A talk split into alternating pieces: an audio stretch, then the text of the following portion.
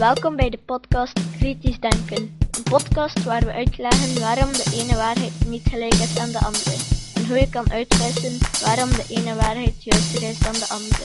Waar we uitleggen waarom het belangrijk is om alles kritisch te bekijken, ook deze podcast. Goeiedag, het is vandaag zondag 18 juli 2010. Ik ben Jozef van Giel en dit is de 62e aflevering van deze podcast. Deze aflevering kwam tot stand mede dankzij Riek de Laat. Vandaag bespreken we een alternatieve mening over leerstoornissen. Het woord alternatief mag je hier niet interpreteren zoals je dat meestal gewoon bent in deze podcast, maar wel in de echte betekenis. De tekst is een vertaling van een TED-talk door Ajiti Shakardas. Een tweede mening over leermoeilijkheden. Toen ik tien jaar oud was, nam een neef me mee naar zijn medische faculteit. En als speciale toegift nam hij me mee naar het pathologielab, nam een echt menselijk brein uit een bokaal en legde het in mijn handen. Daar was het, de zetel van het menselijk bewustzijn, de energiecentrale van het menselijk lichaam, in mijn handen. En vanaf die dag wist ik dat als ik groot was, ik een hersendokter zou worden, wetenschapper of zoiets. Toen ik jaren later echt groot was, werd mijn droom werkelijkheid. Terwijl ik mijn thesis maakte over de neurologische oorzaken van dyslexie bij kinderen, kwam ik het verbazende feit tegen dat ik vandaag aan jullie wil meedelen. Men schat dat één op zes kinderen, ja, één op de zes, aan enige vorm van ontwikkelingsstoornis lijdt. Dat is een stoornis die de mentale ontwikkeling vertraagt bij het kind en blijvende mentale achterstand veroorzaakt. Dat betekent dat iedereen van jullie hier vandaag tenminste één kind kent dat aan een ontwikkelingsstoornis lijdt. Maar nu, wat me echt van mijn stoel deed vallen, ondanks het feit dat al deze stoornissen in het brein ontstaan, worden de meeste van deze stoornissen alleen maar op basis van waarneembaar gedrag gediagnosticeerd.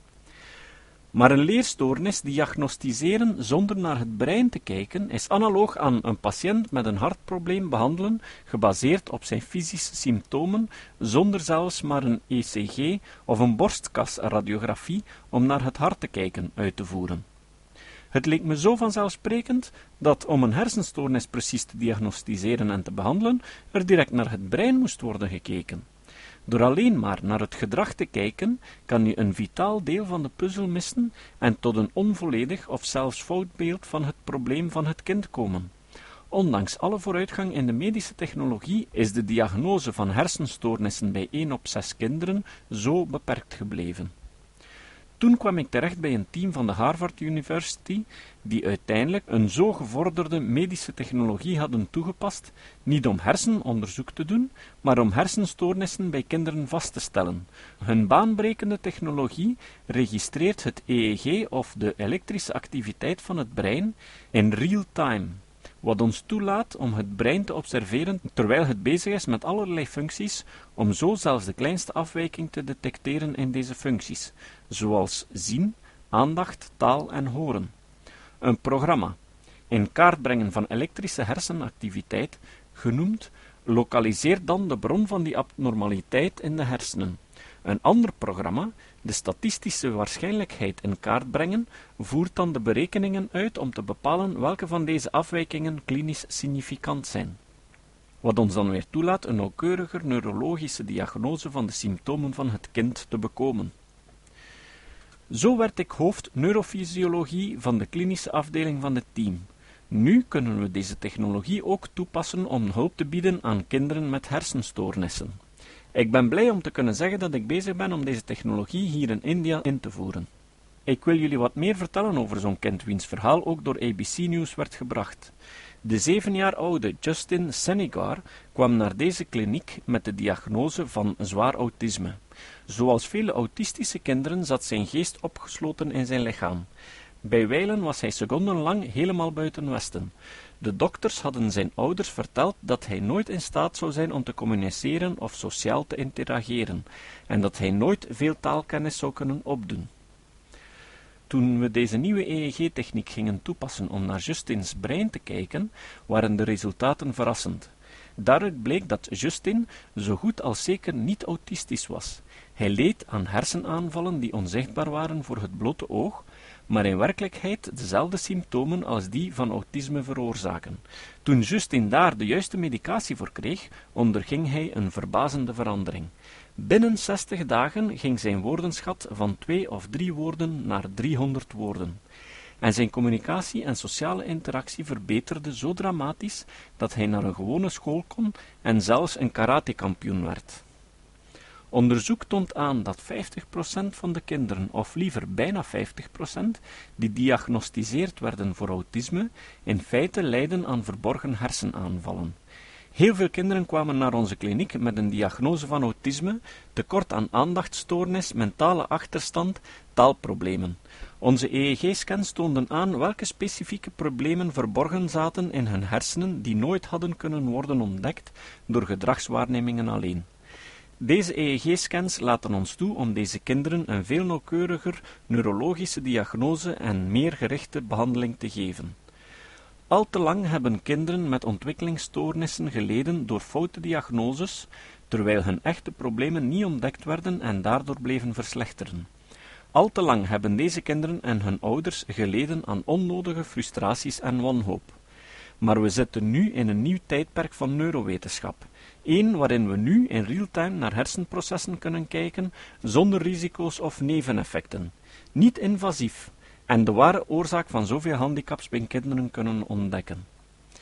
Als ik ook maar een gedeelte van jullie zou kunnen inspireren om deze baanbrekende diagnostische benadering mede te delen aan ook maar één ouder, wiens kind lijdt aan een ontwikkelingsstoornis, dan kan misschien één raadsel meer in nog een brein worden opgelost, een geest meer zal worden bevrijd, en één kind meer dat door het huidige systeem een misdiagnose kreeg of zelfs ongediagnosticeerd bleef, zal uiteindelijk zijn of haar ware capaciteiten kunnen realiseren, nu er nog tijd is om zijn of haar hersenen te laten herstellen. En dit door gewoon te kijken naar hersengolven van een kind. Dank u.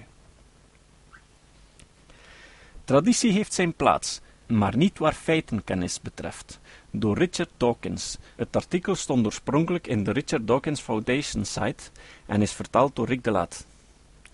Mijn vaak herhaalde, sommigen zullen zeggen te vaak, punt over de absurditeit, of beter boosaardigheid, van het automatisch etiketteren van kinderen met de godsdienst van hun ouders, zou je ook spreken van een postmodernistisch kind of een marxistisch-gramsciaans kind, is meestal effectief.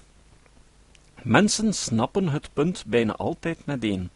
Of hun toekomstige aanvoelen verhoogd is tot echt tenenkrullen, zoals bij mij, wanneer ze horen van een katholiek kind of een moslimkind, is nog maar de vraag. Maar vaak hoor ik ook een ander tegenargument, dat op het eerste zicht plausibel lijkt. Daar wil ik het hier even over hebben. De bezwaarmakers waarover ik spreek, beroepen zich vaak op het bijzondere geval van het Jodendom, maar het punt kan meer in het algemeen worden gemaakt. Volgens hen is het belachelijk en slecht om ouders te ontmoedigen hun culturele tradities door te geven aan hun kinderen. Taal, accent, stijlen van kleding, voeding, eetcultuur, spreekgewoonten, poëtische zinspelingen, spelen, non-verbale signalen of groeten, zoals hoofdschudden of knikken of sociaal kussen, worden allemaal cultureel overgedragen. De mensheid zou verarmen als we dat zouden kwijtgeraken en de lokale verschillen tussen hen zouden teloorgaan.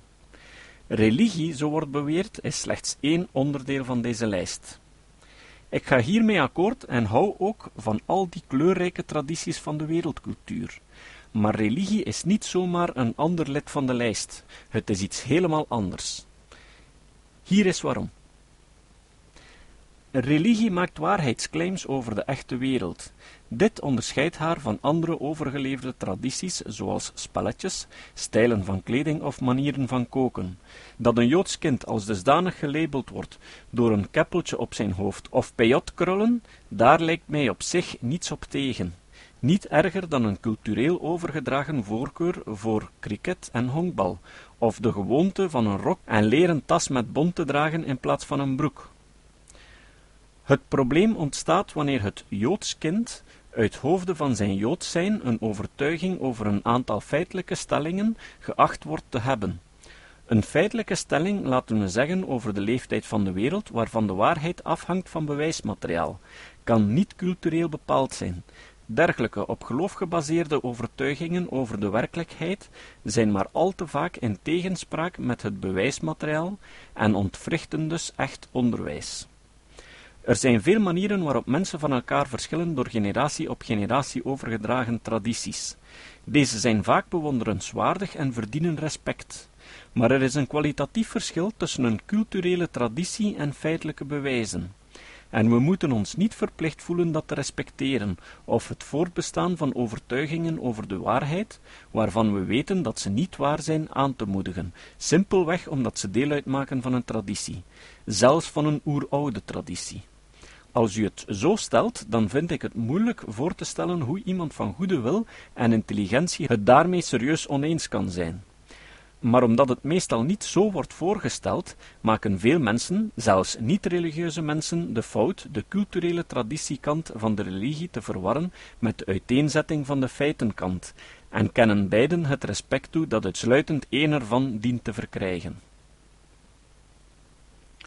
Het citaat. Het citaat van vandaag komt van Alphonse Carr. Carr was een Franse journalist en redacteur uit de 19e eeuw van het bekende Franse dagblad Le Figaro. Toen ik in het zesde middelbaar zat, moesten wij van onze leraar Frans regelmatig Le Figaro kopen en artikelen eruit bespreken in de klas. Die leraar had dan ook Figaro als bijnaam. Ik heb daar toen heel veel Frans uitgeleerd. Kaar zei: Sommige mensen klagen altijd omdat rozen doornen hebben. Ik ben dankbaar omdat doornen rozen hebben. Tot de volgende keer. Dit was de podcast Kritisch Denken. Vergeet niet om alles kritisch te behandelen, ook deze podcast. Voor verdere informatie over deze podcast, links en voor de tekst, surf naar www.kritischdenken.info. Als je deze podcast belangrijk vindt, dan kan je me steunen door andere mensen warm te maken ook eens te luisteren. Stuur een e-mail naar je vrienden met een link naar mijn website of plaats de link in de handtekening van je e-mails. Je kan me ook steunen door op iTunes deze podcast een goede beoordeling te geven of een recensie te schrijven.